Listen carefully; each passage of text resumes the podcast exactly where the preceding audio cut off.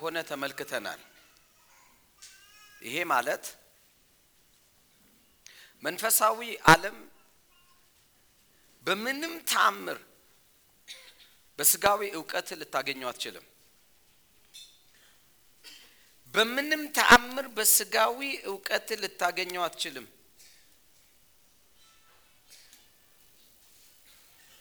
ለምሳሌ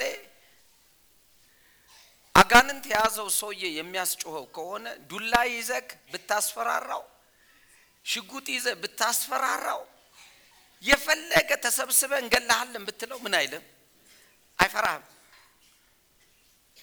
ለምንድን ነው ማይፈራክ? አጋንንቱ እንደማትመታው ያውቃል።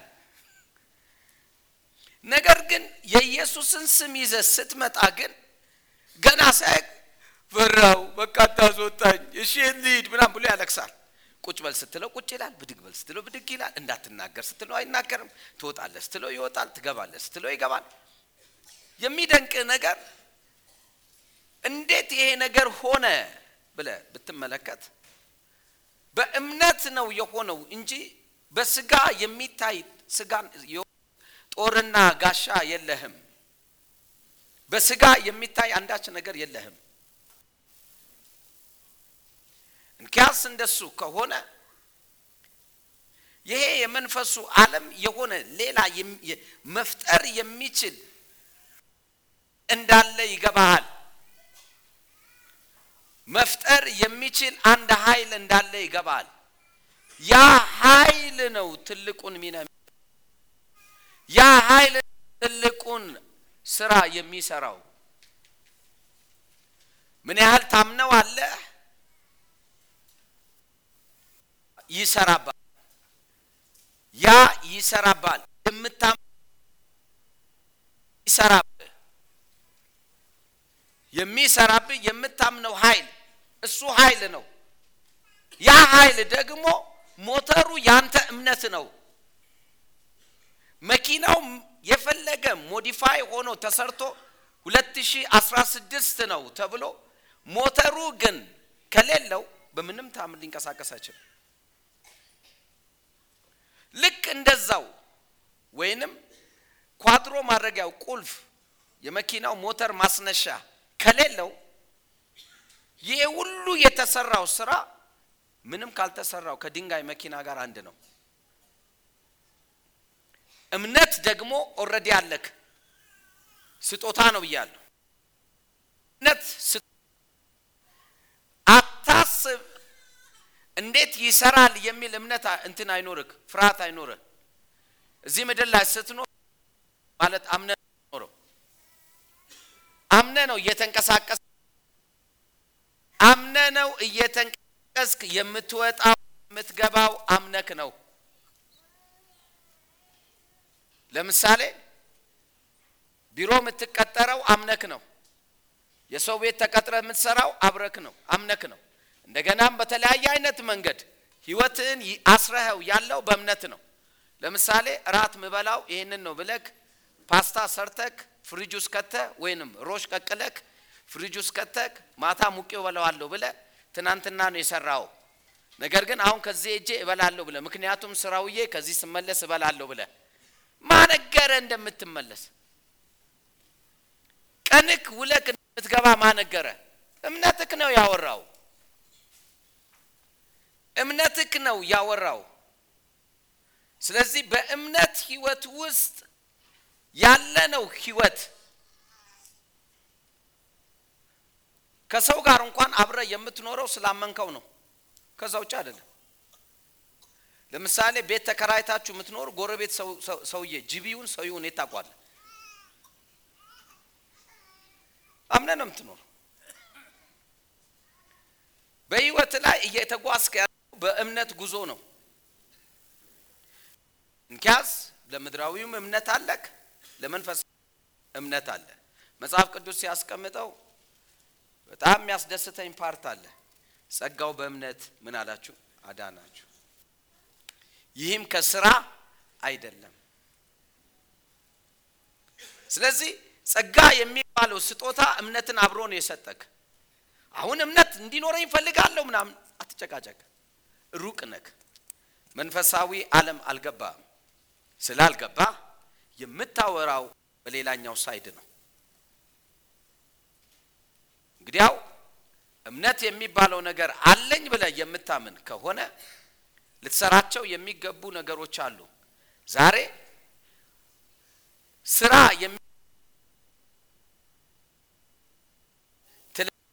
ያስፈልጋል። ስራ የሚባለው ነገርና እምነት የሚባለውን ነገር ትለይ ዘንድ ያስፈልጋል። በዲኖስኮ እውቀት ወይም በእግዚአብሔር እውቀት ውስጥ ስራ ምን ስፍራ አለው? ስራ ምን ስፍራ አለው? ጸጋ ምን ስፍራ አለው? እኔ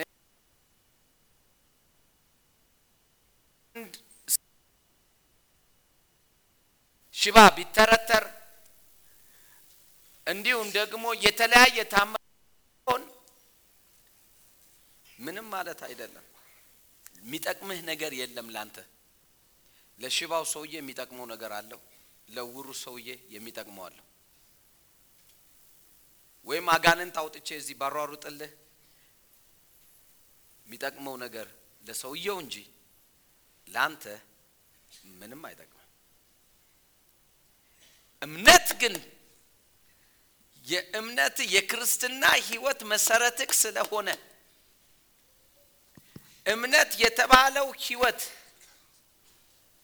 ላይፍን የሚለውጥ ነው። ላይፍን የሚቀይር ነው። ሊቀይርል የሚችለው ነገር ቢኖር እምነት ብቻ ነው። ስለዚህም በእምነቱ ውስጥ ያለ ሕይወት ወሳኝ ነው። ዛሬ የማይክ ማስታወቂያ ሚኒስተር ነው መሆነው። ያልደረደርኩት የለም። እግዚአብሔር ይስጥህ። alright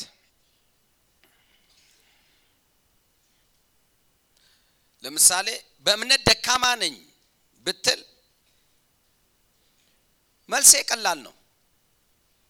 በእምነት ደካማ ነኝ ስትል immediately የምነግርህ ነገር እምነትን ሊጨምር የሚችለው መብል ነው ማሳየ እሱ ምንድን ነው? የእግዚአብሔር ቃል እየሰማኝ ነው። የምን ቃል? የእግዚአብሔር ቃል። ስለዚህ በእምነት ደካማነት እንጂ ሰው ጋር ያለው እምነት የለኝም ሊል አይችልም። አጠገብላለሁ እየሰማ ነው ዛሬ በለው ነካ አድርገውና እግዚአብሔር ይመስገን ባትሰማም ትሰማለህ በለው ነካ አድርገውና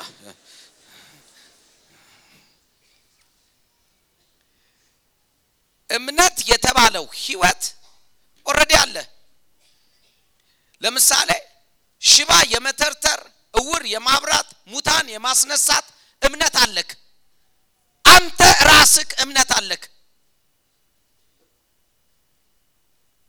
ነገር ግን ያንን በውስጥ ያለውን ዘር አለማሳደግ ነው። በውስጥ ያለውን ዘር አለመጠቀም ነው።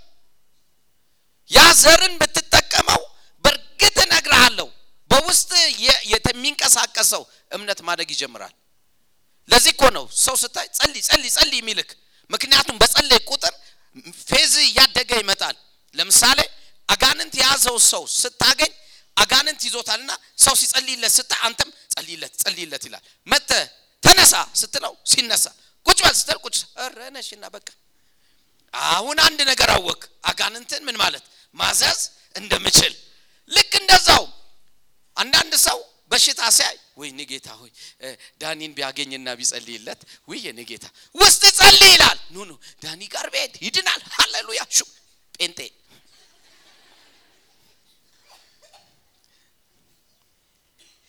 አንተ ጋር ያዘር አለ የለም?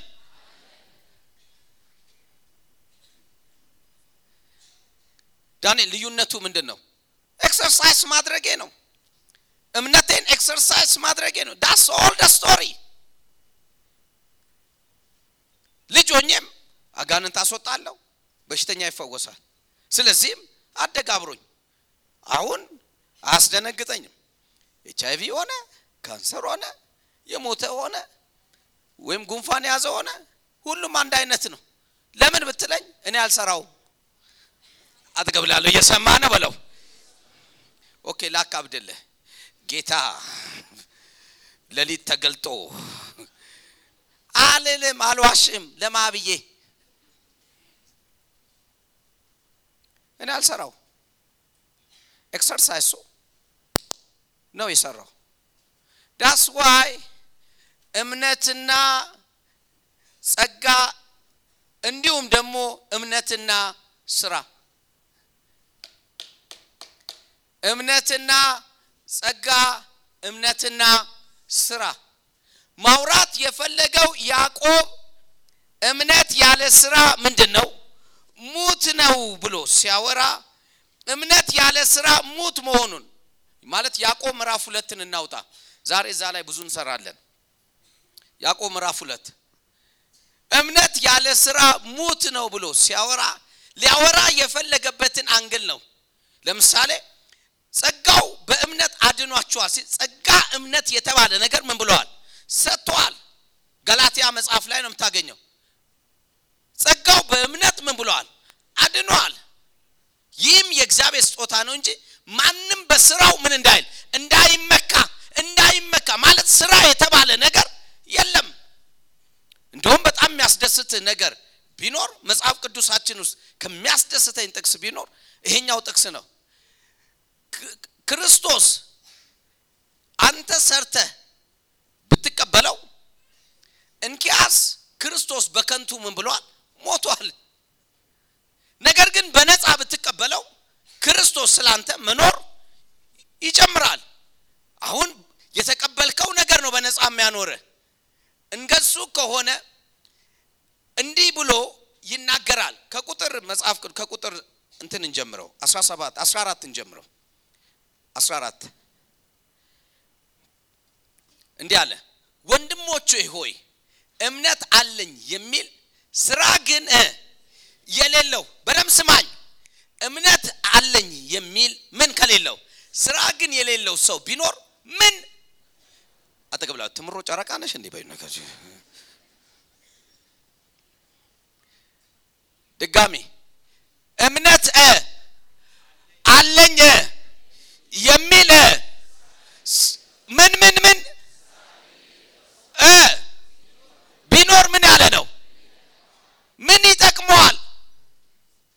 ተመልከተው። ምን ይጠቅ እምነቱስ ሊያድነው ምን ይላል? ይችላልን? የፈለገው ነገር ማንኛውም እምነት ከስራ ጋር ምን የሚል ነው? የሚገለጥ ነው። ስራ የሚለው ወርድ እንድታውቁት የሚፈልገው መጽሐፍ ቅዱስ ይሄንን የህግ ወርድ አይደለም። ምክንያቱም እንካስ ህግን ምሰብክ ከሆነ ክርስቶስ በከንቱ ምን ብለዋል? ሞቷላ። ያወራ ያለው ስለ መዳን ባለው እምነት አይደለም። ያወራ ያለው በእምነት ስለ መኖር። ያለ እምነት እግዚአብሔርን ደስ ማሰኘት አይቻልም ካለ አይቻልም ያለው እግዚአብሔር ያለ እምነት ከሆነ ያለ እምነት ማስደሰት አይቻልም። በጸሎት ማስደሰት አይቻልም። በመዘመር ማስደሰት አይቻልም። ወይንም ደግሞ የትኛውንም የፍቅር ስጦታ መስጠት ሊያስደስተው አይችልም። እግዚአብሔርን የሚያስደስተው ምንድን ነው ብለህ ብትጠይቀኝ በእምነት መዘመር፣ በእምነት መስጠት፣ በእምነት ማድረግ። ኢየሱስ ጌታ ነው። አጠገብ ላለው እምነት አለው አደል በለው፣ ነካ አድርገው ተጠቀምበት በለው፣ ነካ ሳያምኑ የሚሰጡ አሉ። እጅግ በጣም እጅግ በጣም እንደውም ከልቤ ልንገርህ ከጴንጤዎች የበለጠ የሚሰጡ ሌሎች ናቸው። ሳይ ላሳየህ። በጣም ጥሩ። አንዳንዶቻችሁ ያበሳጫችኋል። እኔ ዳኒ እውነት ከማውራት ወደ ኋላ አልልም። ለማ ብዬ በደም ስማ። እስቲ እዚህ ደጅ ላይ ለማኝ አይተህ? አታይም። አጠገብ ብዙ መገለጥ አትሂድ በለው ነካ አድርገው እዚህ በራፍ ላይ እንኳን ምን አታይም? ለማኝ አታይም። ለምን ስትገባ በአማኑኤል ቢለ አማኑኤል ይስጥ። ኦር መጥቶ በጌታችን በኢየሱስ እለምናለሁ ግባና ግባና ጌታ ይባርካል ግባና እንጂ ምትለው አጠገብ አልሰማውም ይህንን በለው ነገር። ግን ተመልከት የሌላ የሃይማኖት ቡድኖች ይለምናሉ። መንገዳቸው ላይ መግቢያው በር ላይ መጠለያ ሰርተው ይተኛሉ፣ ይነሳሉ፣ እዛው ያድራሉ፣ ይበላሉ፣ ይጠጣሉ። ሰው እንኳን ተስፋ አድርጎ እዛ ቦታ ላይ ይገኛል። አንተ ጋር መጥተው ያውቃሉ? አልመጡም። ለምን አትሰጥማ? አጠገብህ ላለው እንኳን ደህና መጣ ልክህን ይነግራል። ብትፈልግ የሚቀጥለው እንዳትመጣ በለው።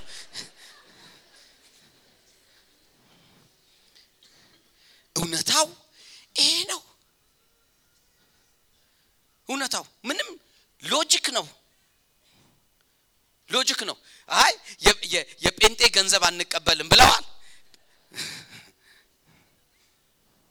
አትሰጥም። እምነትክ ከመስጠት ጋር አፕላይ ያደረገ አይደለም።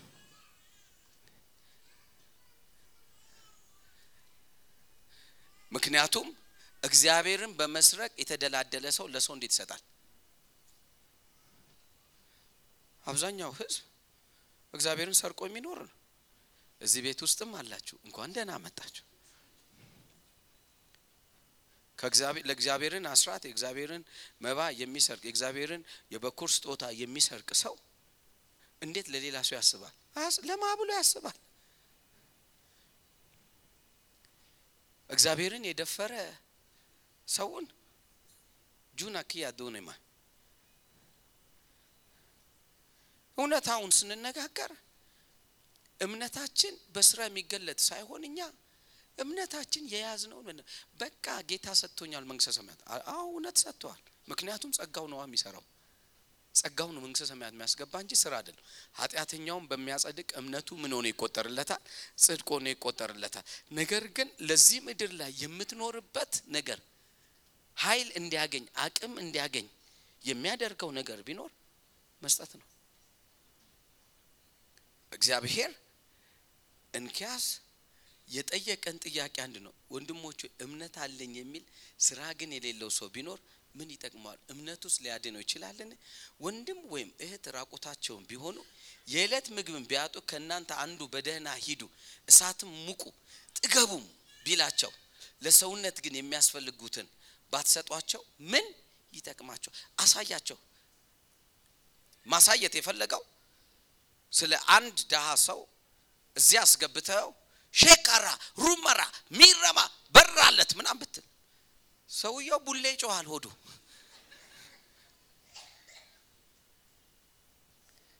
ምን ይጠቅማል? ምንም የሚጠቅም ነገር የለው የሚበላውን ስጦናል እምነትክ በጎነትን አብሮ ቻሪቲን የሚሰራ ነው። ዳስ ዋይ አዲሱ ቸርች የምንሰራበት ቦታ ላይ የምታየው ደሆችን እናበላለን ብዬ ምነግርህ አስራ አምስት ቀን የሚመጣ የታመመ ሰው መጥቶ ያድራል ይበላል ይጠጣል አይከፍልም። ሁለት መቶ አልጋ ይኖረናል እዛ ሁለት መቶ አልጋ ላይ ይተኛል። መልካም እንቅልፍ ተኝቶ ይነሳል። አስራ አምስት ቀን ቢያንስ ከኛ ጋር enjoy አድርጎ ወደ ቤት። ከአስራ አምስት ቀን በኋላ ግን አንችልም። ነገ ይመጣብኛል አውቋለሁ ብልሃል ነው የሚሉኝ። ስለዚህ ያልኩት ይሄንን ነው። አንድ ሁለተኛ ስልሳ ህጻናቶችን እናሳድጋለን ስላችሁ ሚን እያረኩ ነው። ምክንያቱም እናት አባት የሌላ እምነትህ ለሰዎች መስራትን ይሄ የኔ አምላክ እንዲህ ይሰራል ብለ የምታሳውቅበት ነው። ያመንከውን ነገር የምትገልጥበት ነው መንግስተ ሰማያት ለመግባትማ ምክንያት የሆነ ክርስቶስ ስላንተ ኃጢአት ሆነ። እየሰማኝ ነው። ክርስቶስ ስለማን? ስላንተ ኃጢአት ሆነ። ስለዚህ ከሱ የተነሳ አንተ ጻድቅ ሆነ ወደ መንግስተ ሰማያት ትገባል ይሄኛውን ግን በተመለከተ እምነት increase የሚያደርግ የሚጨምር ስለሆነ የሚያድግ ስለሆነ exercise ካላረከው ሊያድግ ምን አይልም? አይችልም። exercise ነው የሚያሳድገው ለምን ብትለኝ እንደዚህ ይላል። አንድ የመጽሐፍ ቅዱስ ማጥኛ እንደዚህ ይላል። works ማለት correspondent action ይለዋል። works correspondent action ማለት ነው ይላል። action ውስጥ ገብተ የምትሰራው ነው።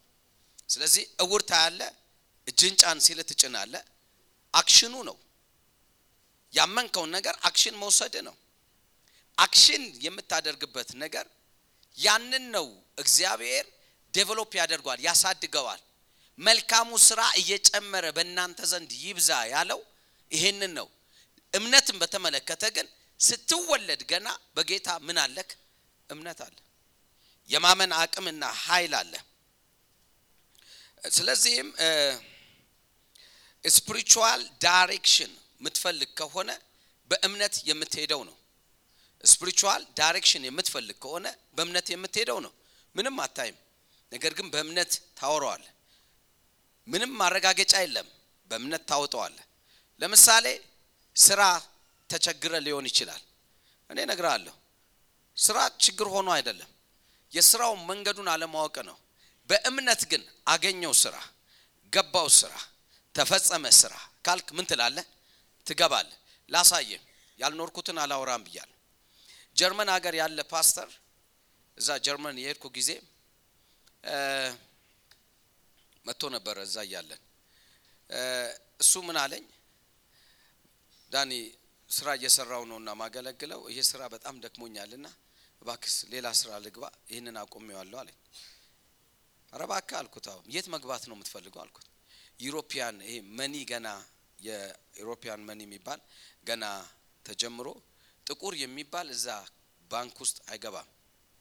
እዛ ባንክ ውስጥ ጥቁር የሚባል አይገባም። የሌላ ዘር አይገባም። ጀርመኖችና እንትኖች ፈረንሳዮች ብቻ ናቸው። እና ነገረኝ እዛ ብሰራ ከሰራ ላይቀር እዛ መስራት ነው እዛ ባንክ ቤት መስራት ነው። አቅመዋለ አልኩት። አዎ።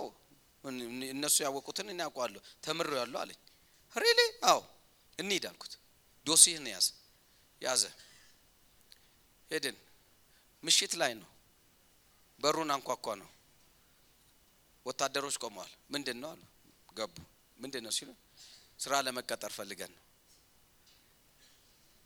አዩ። ማለት? አሉ። እኛ ኢትዮጵያኖች ነን። መቀጠር ምን እንላለን? እንፈልጋለን. ከዚ በኋላ ዶክሜንት አላችሁ ወይ? አሉ ማለት ሊያቃጥለው ይመስል ምን አዎ ሰጠ ነው ከዚ በኋላ ወጣን። ያው እንደሚጥለው ያው ጭንቅላታችን ውስጥ ዘረኝነት ምናምን የሚባል አለ ብዙ ጨዋታ። ስለዚህ በቃ ሰጠን ወጣን። እዛ ፓርላማ ጭቅጭቅ ሆነ። ፓርላማ ጭቅጭቁ በእነሱ እነሱ እሱ ቤት እንደዚህ ቁጭ ብዬ በንጋታው ማለት ነው ፓርላማ በየቀኑ ነው ፓርላማ ለካ አጀንዳ ይዘው እዚህ discrimination አለ። ጥቁር የማይቀጠርበት መስሪያ ቤቶች አሉ የሉም ብለው ሌሎች group አሉ ተነስተው ይጨቃጨቃሉ Turkish ኦቹ። ሆይ ሆይ ሆይ ሆይ ጭቅጭቁ መጨረሻ ላይ ምን ተባለ? ጥቁር የሌለበት መስሪያ ቤት ሁሉ ምን እንዲሉ? እንዲገቡ የመንግስት መስሪያ ቤት ተባለ። አንድ አለፈ ማለት ነው። ከዛ ከሁለት ወር ምናምን በኋላ ደውለው ባለፈው መተ ምሽት ላይ የሆነ ወረቀት ሰተህን ነበረ። ፈቃደኛ ነው ወይ እዚህ መስሪያ ቤት ለመስራት? ውድድር አለና መግባት ትፈልጋለህ?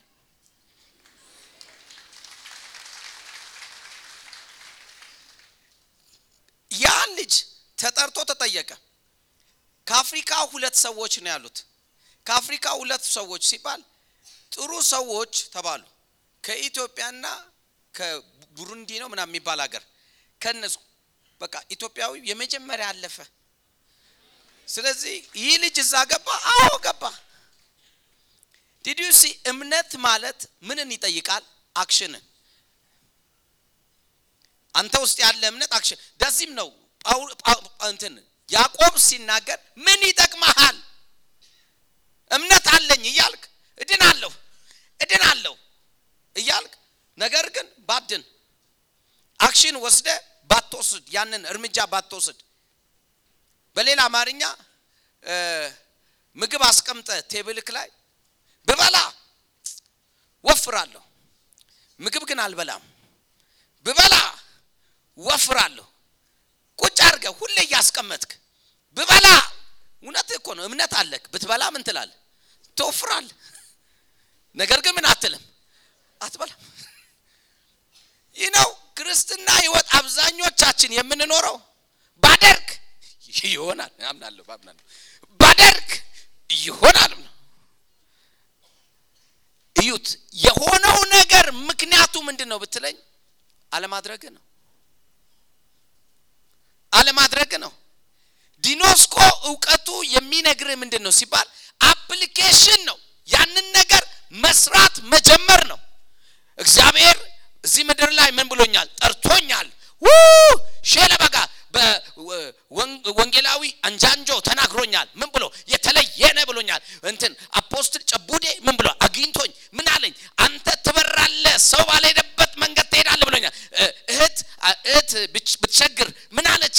ውይ እሷማ ያለችኝ ያው ቁጭ ነው ያደረገችው። ስትሄድ ከአገር አገር ከትውልድ ትውልድ የምትንቀሳቀስ ነህ። ብሎኛል እግዚአብሔር ብሎኛል ብሎኛል። እና ምን ጀመርክ? እየጠበቅኩ ነው። ምን እያረኩ ነው? እየጠበቅኩ። ምንድን ነው ልዩነቱ? ያ ሰውዬ ቁጭ ብሎ ምግቡን ብበላ ወፍራለሁ እያለና እየጠበቅኩ ነው። አተገብላለሁ ሆኖ ነገሩ በለው ነገር። Did you see now ሙት የሆነው እምነትክ በዚህኛው ጎዳና እምነት የለህም አላለም። action ውስጥ አልገባህም። ለምሳሌ ስራ ትሰራለህ ብሎ እግዚአብሔር አወራክ። businessman ትሆናለህ አለክ። የምጠብቀው ሶስት ፋብሪካ ከፍተክ ሃሌሉያ! ይታየኛል ከፊቼው። ሰራተኞቹን ሁሉ አንዳንድ ሰዓት ወንጌል ሳጠግባቸው ይታየኛል! ሻለባ ሻለባ ጠብ። ከዛ አዋራ ለብሰ ትነሳለ ለጌታ ብዬ ነው ትላል ውይ! ይህን ሁሉ ያደረግከው በውሸት ዓለም ነው።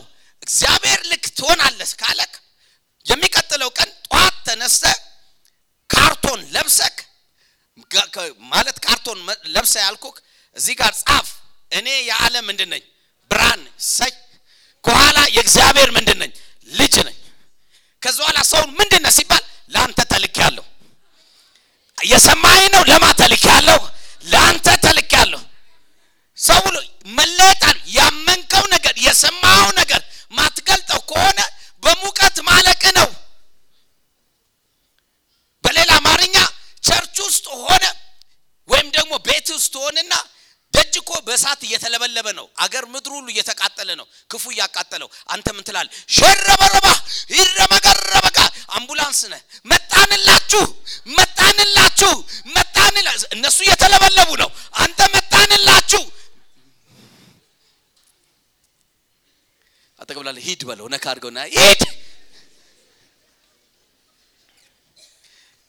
በደም ገፋ አድርገውና እምነት አለ በለው ነካ አድርገውና ስራ ላይ ውለው በለው ነካ አድርገው ጊኖስኮ የሆነ እውቀት ጊኖስኮ የሆነ እውቀት። አለበለዛ በ life ላይ apply አይሆንም። እግዚአብሔር በእጅ ላይ ትልልቅ ነገሮች ሰራለሁ ካለ ትንንሹን ነው የሚያስጀምርህ።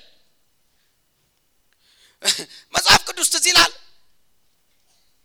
በጣም የሚገርመኝ ሳምሶን የሚባል ሰው ጸጉሩ እንዳይላጭ ካለ በኋላ በኤሽታኦል ሸለቆ ሳምሶንን ያለማምደው ነበር። የሚገርም በአንድ ጊዜ አንበሳ ቀበሮ ምናምን የያዘ ይመስላል። No ከዛ ቀደም የሚገርም ነገር አይጥ ይዞ ግንጥልጥል ያረጋታል አሁን ምንድን ነው ለአይጥ የሚበቃን ለምን? እስቲ ጥንቸልን አልሞክርም ይላል። ወይም ድመትን ይይዛታል አሯሩጦ ቀበሮን አሯሩጦ ያዝ። ከዛ ሰውየው እያደገ ሄዳል እያደገ ሄዳል እየፈረጠመ ሄዳል ከዛ በኋላስ ምን የአገር ህዝብ ቢይዘው የአገር ህዝብ እንደሚገለብጥ ያውቃል።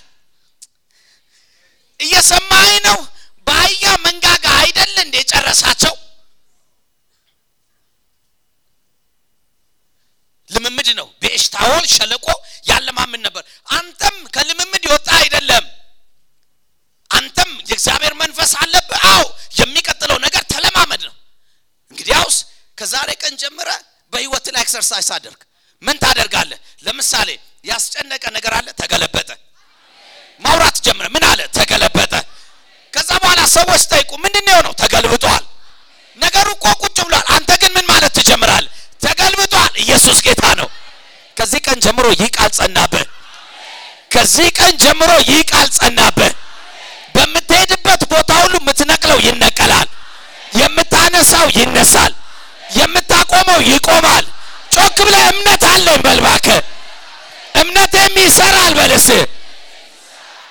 ምን ይሰራል ደግመህ በለው እስኪ።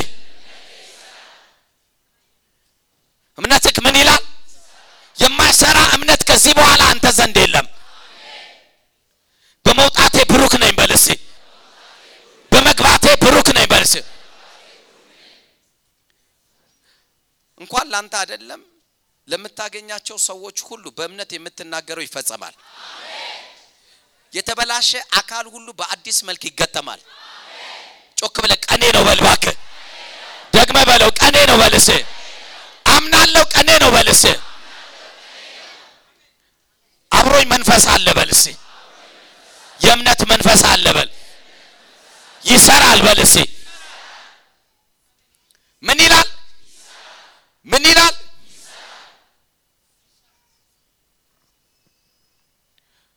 ልንገራችሁ ጳውሎስ አንድ ነገር አመንኩ። ስለዚህ ምን አደረጉ ተናግ የፈለጋችሁትን በሉ እናገራለሁ። ነገሩ ወደምናገረው ይለወጣል። አላቤት ከዚህ በኋላ ነገሩ ኤግዚስት ሆኖ ያለ ቆሞ ያለ ነገር በሙሉ በህይወት ላይ የሚነገርመው አንተ ስትናገር ነገሩ ይገለበጣል። ደግሜ ላለው አንተ ስትናገር ወደ አንተ ቃል ነገሩ ይገለበጣል። ጮክ በልና ይህ ድል ፋንታዬ ነው በልባክ ይህ ነው ጻድቃን መሻታቸውን አያጡ ምንድን ነው የምትሻው? ተናገረው። እየሰማኝ ነው። ምንድን ነው የምትሻው? ምን በለው? ተናገረው። መናገር ስትጀምር ነገሩ መቀየር ይጀምራል። እስ ወደ እኔ ሀሳብ ተገለበጠ በልስ አምኛለሁ በልስ ስለዚህ ምናገራለሁ በል። ምን እላለሁ? ምን እላለሁ? አምናለሁ። ከዚህ ቀን ጀምሮ ከምትናገረው አትጎልም ከምትናገረው አትጎልም። ጮክ ብለ ከምናገረው አልጎልም በልሴ ደግመ በለው እስቲ ደግመ በለው እስቲ እኔ አምናለሁ ከምትናገረው የምትጎል ሰው አትሆንም። ጮክ ብለ እድል ፋንታዬ መናገር ነው በልሴ ወደዛ መጣው በልሴ ይህ ነው ሴጣን ምንን ነው የሚፈራው? መናገርን። ኦኬ ሴጣን አንተ ውስጥ ደግሞ ጌሙን የሚጫወተው በምንድን ነው? በመናገሩ። የዳቢሎስን ሽንገላ አደለ ያለው? ምኑን ያለው? ሽንገላ። ትቃወሙ ዘንድ ነው አደለ ያለው? ምንድን ነው? ዳቢሎስስ ምንድን ነው ያለው? ሽንገላ ምን ማለት ነው ሌላው? መናገር። አተገብላል አማርኛ ጭረሻል የጸዳ ነክ እንዴ በለው ነክ አድርገውና ከአማርኛ እውቀት።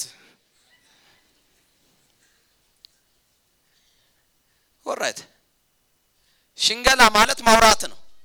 ዳቢሎስ ጉልበቱ ምንድን ነው ማውራት ነው። ለካ ፍርሃት የሚሰድብህ ምን ብሎ ነው? ማውራት። ፍርሃት ደግሞ የዳቢሎስ እምነት ነው። እየሰማኝ ነው? ፍርሃት የማን እምነት ነው? የዳቢሎስ እምነት ነው። ድፍረት የማን እምነት ነው? የእግዚአብሔር እምነት ነው። ስለዚህ መፍራት ከጀመርክ ዳቢሎስ የሚያወራውን accept አድርገሃል ማለት ነው ምክንያቱም የፍርሃትን መንፈስ አልሰጠም ነገር ግን አንተ የፍርሃትን መንፈስ ይዘ እየፈራ እየተጨነክ ብዙ ሰው የሚጸልየው ጸሎት በፍርሃት ነው። ጌታ ሆይ እንዳይደርስብኝ አደራህን አደራህን ማለት ምንድን ነው ደርሶብኛል አባት ሆይ እየፈራው ነው እየፈራው ፍርሃት ከሩቆ ነው ዳቢሎስ ማለት ነው። ድም ጠራኸኝ? ምን ብለህ ፈርቻለሁ እንዳታመጣብኝ ብዬ እንዳታመ እየጠራኸኝ እኮ ነው። በሌላ አማርኛ እየጠራ ብትተማመን ጭራሽ አጠራው። OK። እንዲህ ብለ ብታወራ። day to day life እየበላ ነው የምትኖረው። ነገር ግን መብልን issue አድርገ ካወራክ በሰዎች ፊት ለመገናኝ የምንበላው ቁርጥ ነው። every day እኮ ቁርጥ ነው ምናምን ትል። እውነተኛው ነገር ምን የለም ማለት ነው። ቁርጥ የለም ሁሌ ቁርጥ የምትበላ ከሆነ ልታወራ ምን አትልም? አትችልም። day to day life ነዋ። እየሰማ day to day life ን አታወራው ለሰዎች exaggerate አድርገ ግን ማውራት ከጀመርክ ያቺ ነገር አንተ ጋር የለችም። አጠገብላለሁ ዋና ነካውብህ በለው ነካ ጋር። ከሌለህ ነው አንድ ነገር አጥብቀህ የምታወራ። ካለ ግን ምን አትልም፣ አታወራም። OK አላሙዲን ገንዘብ አለው የለውም? ቢያወራ ባያወራ አካባቢ ሁሉ ዳሽን ባንክ ያወራሃል።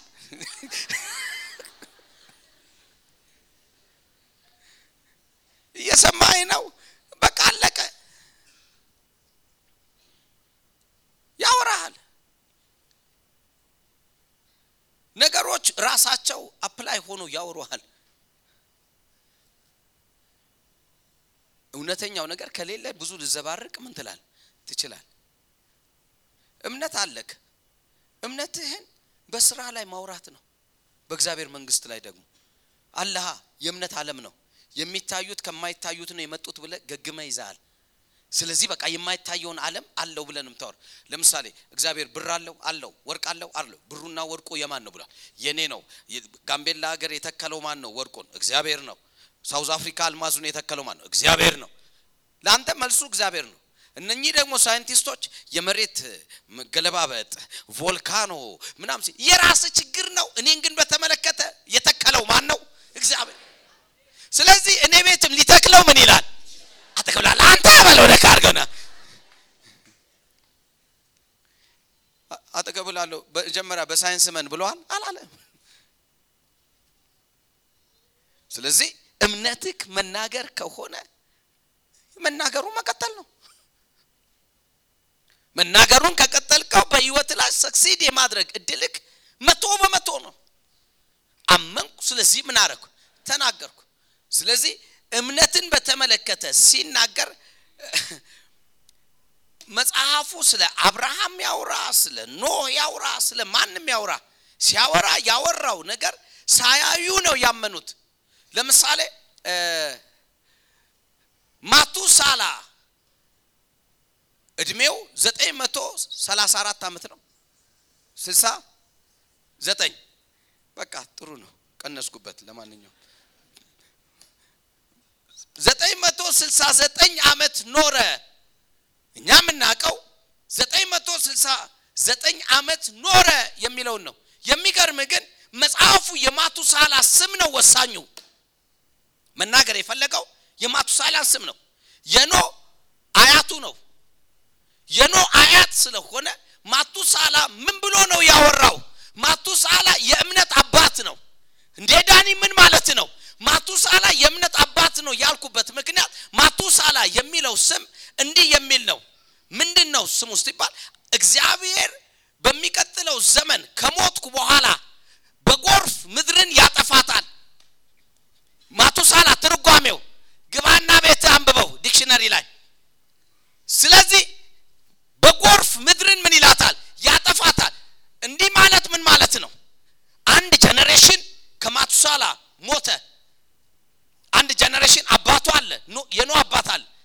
ይህንን ነገር አልተቀበለም። ኖ ግን ይጠብቃል። አባቱ አያት ማን ነው? ማቱሳላ። ምን ማለት ነው? እግዚአብሔር በጎርፍ ምድርን ያጠፋታል። ስለዚህ ይሄ ሰው ምን አለ? no no no no no እኔ አልጠፋም አለ። አልገባም ፈረንሳይኛው። እኔ ምን አይደለም አልጠፋም፣ እኔ አልጠፋም። ምክንያቱም አያቱ ሲጠራ እግዚአብሔር ምድርን በዚህ ምድርን በጎርፍ ምን ይላል ያጠፋታል የሚል ነው።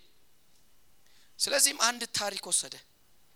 በእምነት እኔ አልጠፋም፣ እኔና ቤተሰቤ በነፃነት ምን እንላል እኖራል። say አጠገብላል የእምነት ተቀባይ ይሁን በለው ነካ OK ስለ ማቱሳላ እምነት ላውራክ።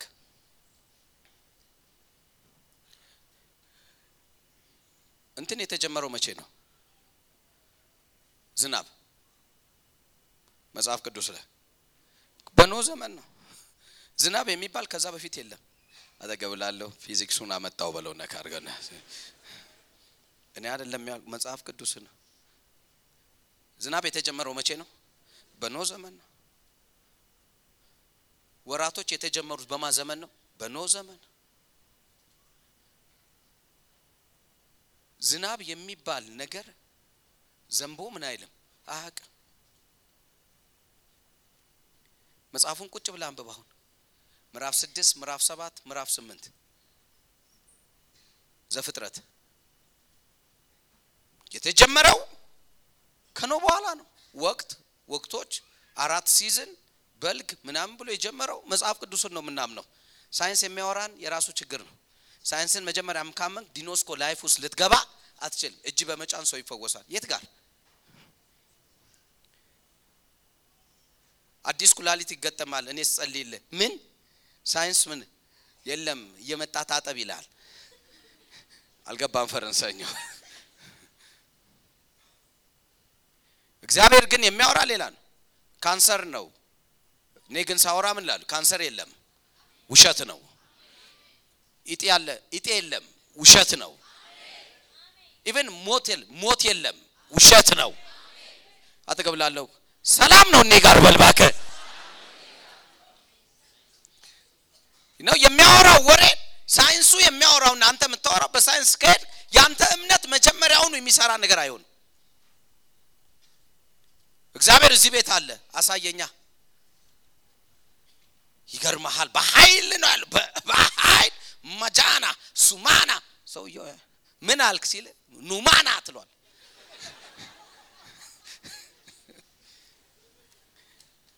እየሰማኸኝ ነው? አንተም አታውቀውማ። በደንብ አስተውል። ይህ ዓለም የመንፈሱ ዓለም ከሆነ የመንፈሱ ዓለም ከሆነ የመንፈሱ ዓለም በአንተ ህይወት ውስጥ እንዲሰራ የምትፈልግ ከሆነ መናገር ብቻ የሚያንቀሳቅስህ ከሆነ ለምን አፍን ትሸብበዋል?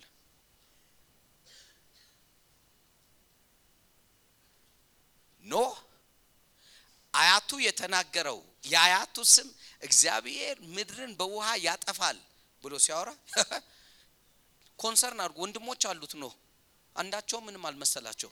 ይሄ ግን conscious ነው። ኖ ቤተሰቡን ብቻ ነው ያዳነው። conscious ነው። ሰዎች እንዲያውቁ በመጪው ዘመን እግዚአብሔር ምድርን በውሃ ያጠፋል የሚለውን ስም ትርጓሜ እግዚአብሔር አውጥቶ ሲሰጠው ያላየውን ውሃ ነው። ያላየውን ማቱሳላ አይቶ አያውቅም። ዝናብ ከሰማይ ወርዶ ተነድሎ ምድር በሙሉ ውሃ በውሃ ስትሆን ሰው ሲጠፋ አላየም። ከዚህ ቀደም ያላየው ዝናብ ይዘንባል ብትባል ካላየው እንዴት ይሆናል? ሊሆን አይችልም። የምድር ውሃ ተነደለ ብለ አታይም። በጠዋት ጭጋግ ይመጣል፣ ያጠጣል። በቃ አለቀ። ከዛ ቀደም የምታውቀው ይህንን ነው። ሲዝን የሚባል ታሪክ የለም። ዝናብ ወቅት ምናምን የሚባል የለም። እግዚአብሔር እንደዚህ አድርጎ ነበር። ስለዚህ ማቱሳላ አየ። ስለዚህ ስሙን ሁል ቀን ሲናገር እግዚአብሔር ምድርን በውሃ ያጠፋል። የሌለ ታብ የሌለ ታብ ኖህ አመነ፣ ተነገረው። ኖህ ወዲያውኑ ምናል የስ ምድር ትጠፋለች። ምድር ምን ትላለች? ትጠፋለች። እኔና ቤተሰቤ ግን ምን አንልም፣ አንጠፋም። ለነሱ ብቻ አይደለም፣ ለትውልዴ በሙሉ ላሉት ለአራዊቶች ሁሉ አይጠፉም።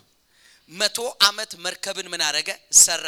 መቶ ዓመት ነው። መቶ ዓመት ሲሰራ ባዶ መሬት ላይ ወንዝ ዳር እንኳን ቢሆን ጥሩ ነው። ባዶ መሬት ላይ ደረቅ መሬት ላይ ምን እየሰራ ነው? መሀል ከተማ ላይ መርከብ ምን እያረክ ነው? ውሃ ይመጣል። አጠገብላል እየሰማ ነው በለው ነካ አድርገው ነ ውሃ እንኳን አልመጣም ቢል ውሃ ይመጣታል። በኢየሱስ መቶ ዓመት ይህ ሰውዬ ይናገራል።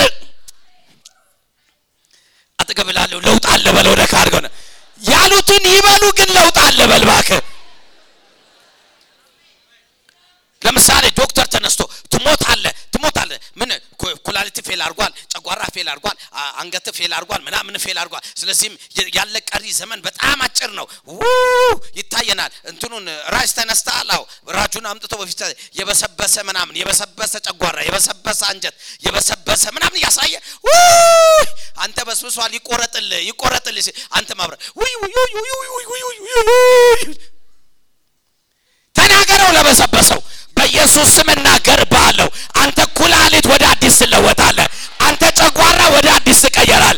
አንተ የልብ ድካም ወደ አዲስ ትቀየራል። ጮክ በልና አዲስ ነገር ተጀመረ በል። ጮክ ብለህ አምናለሁ በል እስኪ በለው። አምናለሁ በል ውሸት ነው በል ደግመ በለው። ውሸት ነው በል ያሉት ሁሉ ምንድን ነው? እውነት የሆነው የእግዚአብሔር ቃል ነው። ከዚህ ቀን ጀምሮ የእግዚአብሔር ቃል በሙላት ይናገርባል። እስኪ የሚወጣው ይነግሳል በል ደግመ በለው። ደግመ በለው። እንደ አፍ ቃል እንደ አፍ ቃል ማንም አላየም ይሆናል። ነገር ግን ያላየው ነገር አንተ ግን አይተው ትወጣለህ። ሁሉም ሲያው የመክሰር ነው። ሁሉም ሲያው የመውደቅ ነው። ሁሉም ሲያው የመጨንገፍ ነው በልና የትኛውም challenge እኔን ያሳድገኛል በል። ደግመ በለው እስኪ ያለሁበት ሁኔታ እንትን no no no no no ያለበት ሁኔታ ይቀየራታል። ጮክ በልና ተቀየረ በል ደግመ በለው እስኪ ደግመ በለው እስኪ ጮክ ብለህ አልፈራም በል እስኪ ጎርፍ ይመጣል ነገር ግን አንተ ምን አትልም እስቲ አልፈራም በል ፍርሃት ይመጣል አንተ ግን ምን አትልም ሌላው ጎረቤትን ሁሉ እንትን ጋር መጽሐፍ ቅዱስ የሚያስቀምጠው ብዙዎቻችን ያልገባን ወርድ ይሄኛው ነው። የሚመስለን ነገር በቀኝ ሺህ በግራ አስር ሺህ ምን ይላል? ይወድቃል። ቀጥሎ ያለው ወደ አንተ ግን ምን አይልም? ወደ አንተ ግን ምን አይልም? ያለውን ሰምተሃል? በአይኖች ብቻ ምን ትላለ ትመለከታለ በአይኖች ጣል ያ ማለት ምንድን ነው ጎረቤት ያለው አንድ አይነት ሱቅ ነው ያለክ ሲፈርስ ወይም ደግሞ ሲከስር ምናምን ታያለ አብረካን ወይኔ ከሰረ ወይኔ ገዘረ ወይኔ ምን ዋጋ አለው? አገር ተቀይሯል። መክሰር ነው መክሰር ነው መክሰር ነው መክሰር ነው ሲሉ አንተ ማብረ መክሰር ነው መክሰር ነው ቃል ይዘው ይሄዳል ጎርፉ። መጽሐፉ ያለው በአይኖች ብቻ ምን ትላል? ወደ አንተ ግን ምን አይሉም? ዲዲሲ የሚከስር የለም አልተባለም አንተ የምትሰራው አንተ የምታደርገው ሰዎች ጋር አብረው ያሉ ሰዎች ሲከስሩ ሲወድቁ ሲጠፉ ምናምን ታያል የሚገርመው ግን ታያለ ተብልሃልና ማየት ምን አይልም አይቀርም። ነገር ግን ያየው አንተን ይወርሳል አላለህም። አትገባል ልዩነቱ እዚህ ጋር ነው በለው ነካ ያየው ይወርሳል አልተባልክም መቅሰፍትም ወደ ቤት ምን አይልም መቅሰፍትም ወደ ቤት ምን አይልም ጮክ ብለህ አማኝ ነኝ በልባከ ደግመ በለው አማኝ ነኝ በልስ አምናለሁ በልስ በኢየሱስ ስም ተፈጸመ። በጌታ በኢየሱስ ስም ተፈጸመ።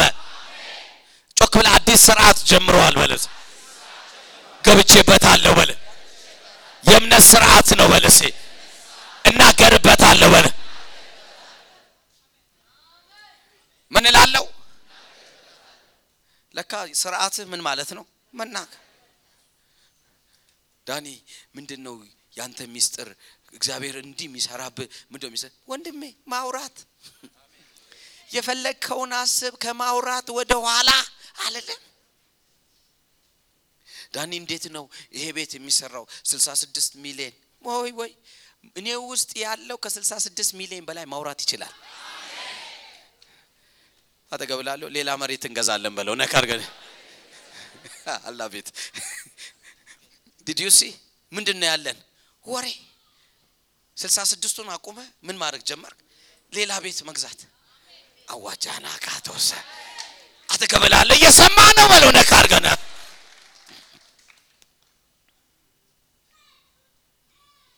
ይቻላል በል እስቲ። ደግመ በለው። ደግመ በለው። ደግመ በለው። አምናለሁ በል እስቲ።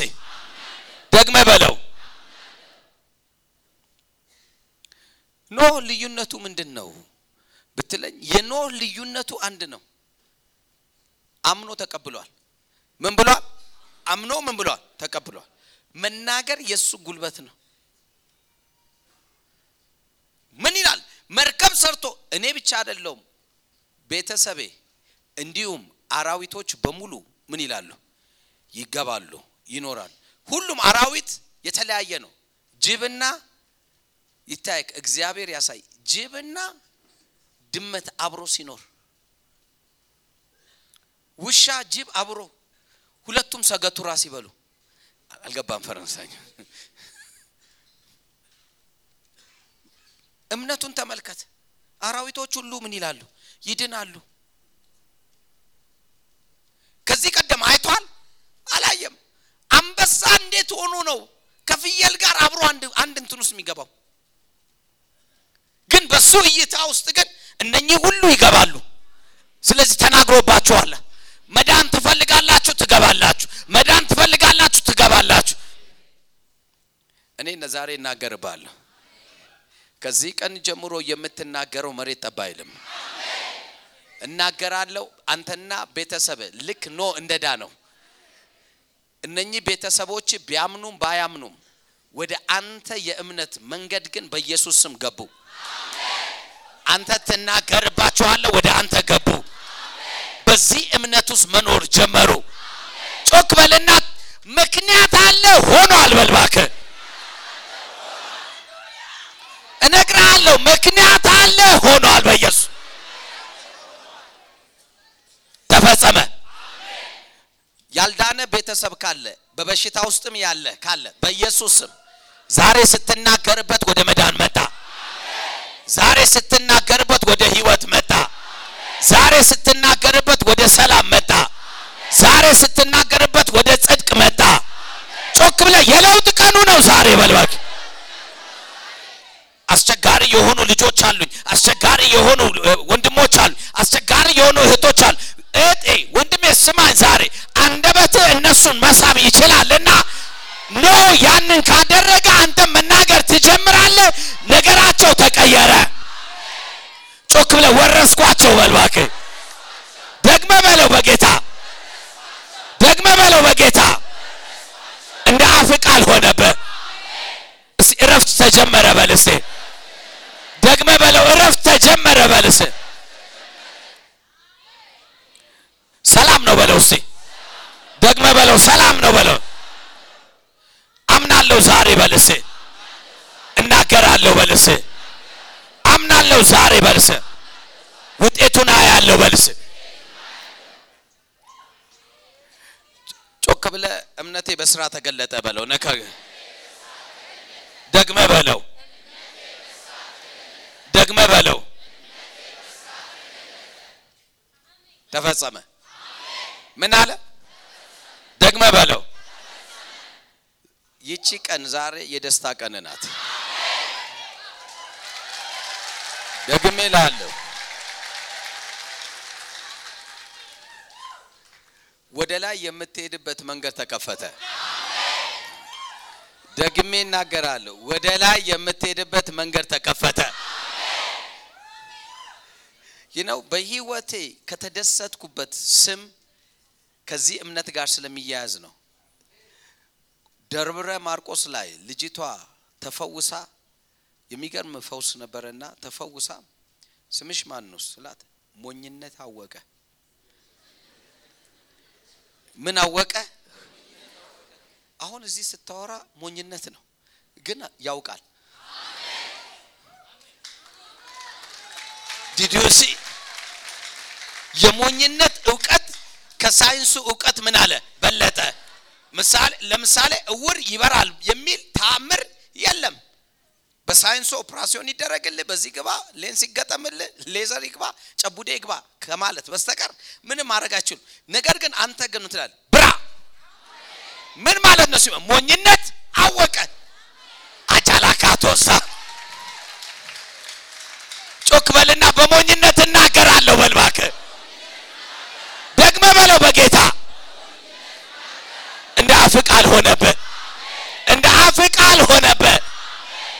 ዛሬ ተጀመረ በልስ መናገር ጀመርኩ በልስ አምኛለሁ በልስ ደግመ በለው እስቲ ደግመ በለው እስቲ ጮክ ብለህ ሞኝነት አወቀ በልስ ሞኝነት ምን አለ? I don't እንዴት እንደምታስብ። ሞኝነት ከሳይንስ ጥበብ ከበለጠ አትታገል። ይሻልሃል በኢየሱስ ስም። አጠገብ ላለው ሰውዬ ሞኝነት በልጦ አግኝቼዋለሁ በለው ነካር ይህ ነው ጻድቅ እንደ ምንድን ነው ሲል እንደ አንበሳ ነው አለ። ይህ ነው አራዊቶች አይታችሁ ታውቃላችሁ? ከጎሽ ምን የተለያዩ አራዊቶች ከማን ይበልጣሉ? ከአንበሳ ይበልጣሉ። ይበልጣሉ። እና አንበሳ ጉልበቱ ከነሱ ያነሰ ነው። የሚደንቀው ነገር አስር ሺህ የሚሆኑትን አንዱ እሱ ያሯሩጣል። አስር ሺውንም ዞር ብለው ቢመጡ እኮ ያልቅለታል። ግን መጀመሪያ ከማሯሯጡ በፊት ዋው ሲል ድንብርብራቸው የጠ- ብቻውን አይደለም እያሉ ብቻ መሮጥ ነው። እየሰማኸኝ ነው? ጨልጥህ ነካ ጻድቅ እንዳንበሳ ነው በለው። ነካ ዲዱሲ ነው። አንተ አቅም ኖሮ አይደለም ኃይል ኖሮ ነገር ግን አንተ ውስጥ የገባው ኃይል ነው። ድምፁ ያስፈራል። እንደ ብዙ ሺህ ውሃ ድምፅ ነው። እንደ ብዙ ሺህ ውሃ ድምፅ ነው። የሚገለብጠውን ይገለብጠዋል። የሚያነሳውን ያነሳዋል። የሚያቆመውን ያቆመዋል። ጮክ ብለህ ድምፁ አፌ ውስጥ ነው በልባክ ተፈጸመ ዛሬ በኢየሱስ ተፈጸመ ዛሬ በኢየሱስም። ጮክ ብለህ ቃል ወጣ በልባክ ተፈጸመ በልስ ምን አለ መጽሐፍ ቅዱስ? ቃሉን ትልካለ ይፈጠራሉ። ቃሉን ትልካለ ምን ይላሉ? ይፈጠራል። እኔ ዛሬ አውጅብሃለሁ። ከዚህ በኋላ የምትናገረው ቃል መፈጠር ጀመረ። የምትናገረው ቃል መፈጠር ጀመረ። የምትናገረው ቃል መፈጠር ጀመረ። መጽሐፍ ቅዱስ ያለውን አሰማ። የአፍህን ቃል ምን እላለሁ? እፈጥራለሁ። የማንን ቃል? የአፍህን ቃል። እኔ እነግርሃለሁ ከዚህ ቀን ጀምሮ የአፍ ቃል መስራት ጀመረ። ጮክ በልና የሌለው ነገር መምጣት ጀመረ በል እስኪ። ደግመ በለው እስኪ። ቤት ውስጥ ምንም የለም። ተናገር ይመጣል። ድጋሚ ላለሁ ቤት ውስጥ ምንም የለም። ተናገረው ይመጣል ጮክ ብለ ይቻላል በል እባክህ ደግመ በለው ይቻላል በል እስኪ ጮክ ብለ ተፈጸመ በል እስኪ ደግመ በለው ደግመ በለው ምን አለ ምንድን የጎደለክ ተናገረው ሙላት ሆነ። ምንድን ነው ያጣው ጥራው ይመጣል። አጠገብ ነካ አድርገውና ትውልድን የሚለውጥ አንደበት አለኝ በል እባክህ። የሌለውን የሚጠራ አንደበት አለኝ በል። እንደ አፍ ቃል እንደ አፍ ቃል ዝናብ የለም። መርከቡን መሀል ከተማ ላይ ይሰራል። ምንድነው ሲባል? ጎርፍ ይመጣል ጎርፍ ይመጣል ዝናብ ይዘንባል ምድር ይነደላል። አይታል? አላየውም። ባይኖርም እንኳን የጻድቁን ሰው አንደበት አፍ እግዚአብሔር ምን ይላል? ይፈጥራል እና ማን ያንን ጎርፍ ያመጣው? ኖህ። ማን ነው የምድርን ውሃ የነደለው? ኖህ። ምክንያቱም ኖህ አምኖ ጀመረ። የአያቱ ስም ተፈጸመ በሱ። እንኪያስ እነግርሃለሁ። ኢየሱስ ትቶል የሄደው ሂዱ። ወንጌልን በሉ ስበኩ እውርን አብሩ ሽባን ተርትሩ ደንቆሮን ክፈቱ ወይም ደግሞ የተለያየ የተናገረው ክፉን ሁሉ ወደ መልካም ምን በሉ ቀይሩ። ልጆች ወይ ክፉን ሁሉ ምን አሸንፋችኋል። ከዛስ ምን አለ? ሂዱ ስላለ አንተ ደግሞ ድል በመንሳቱ በሚያዞረኝ የእውቀቱን ሽታ በእኔ ላይ ሊገልጥ በወደደ በወደደኝ በሱ ከአሸናፊዎች እበልጣለሁ። አጠገብ ላለው ዘመኔ ነው በልባከ ጮክ በልና አማኝ ነኝ በልባከ ደግመ በለው አማኝ ነኝ በልባከ እናገራለሁ በልስ አጠገብ ነካ አድርገውና ደግሞ ለማውራት በለው ነካ አድርገው። እጄ ጳውሎስ አሳየኝ እስቲ ማመንህን። ያጠግባሃል በማውራት። እየሰማኝ ነው? ምንም ሌላ የለውም። ምን ሊያሳይ ይችላል? አምኛለሁ። እስቲ አሳየ የምትለው ልቡን ተርትሮ ቢያሳየ ደም ነው የሚረጨው። ከዛ ውጭ ምንም የለ ማመኑ የሚለካው ምንድን ነው ማውራት። ወይኔ በጌታ ነው ስጸልይ ብታየኝ? በጌታ በኢየሱስ እንዳንተ ስጠኝ ምናምን አልለም እሱን እንወቀው ብዬም አላቅም ወደፊትም አልለው ምን ብዬ ስጠኝ ልበለው? ሁሉን ሰጥቶኝ እያለ ማውራት ብቻ ነው። ትመጣለህ ሰማኸኝ? ና የኔ እየሰማኝ የማነ የኔ ነህ። ማጁኬ አንዳንድ ነገር አፌ ላይ ከበድ ሲል ኤሮማዳ ሱመላጋ ጂናካዳጋ ሆነ እላለሁ ምን አልክ? አላቆም ሆኗል። አጠገብላል እየሰማ ነው በለው። ነቃ አድርገን ጮክ በልና ዘመኔ ነው በለው። እባክህ ደግመ በለው እስቲ። ስንቶቻችሁ ታምር ታምናላችሁ? ታምር አንደበት ውስጥ ነው ያለው። ከዚህ ቀን ጀምሮ ተጀመረ። ከዚህ ቀን ጀምሮ ተጀመረ። በልና ልዩ ታምር መንፈስ አግኝቶኛል በል። እኔ ጋር ነው ያለው በልስ እናገረዋለሁ በልስ ተፈጸመ ተፈጸመ በኢየሱስ ስም ተፈጸመ። ይህ ቃል ጸናብህ ተፈጸመ። አሜን። ለእግዚአብሔር ክብር እንሰጣለን። ለሶስት ሰው ጨብጠውና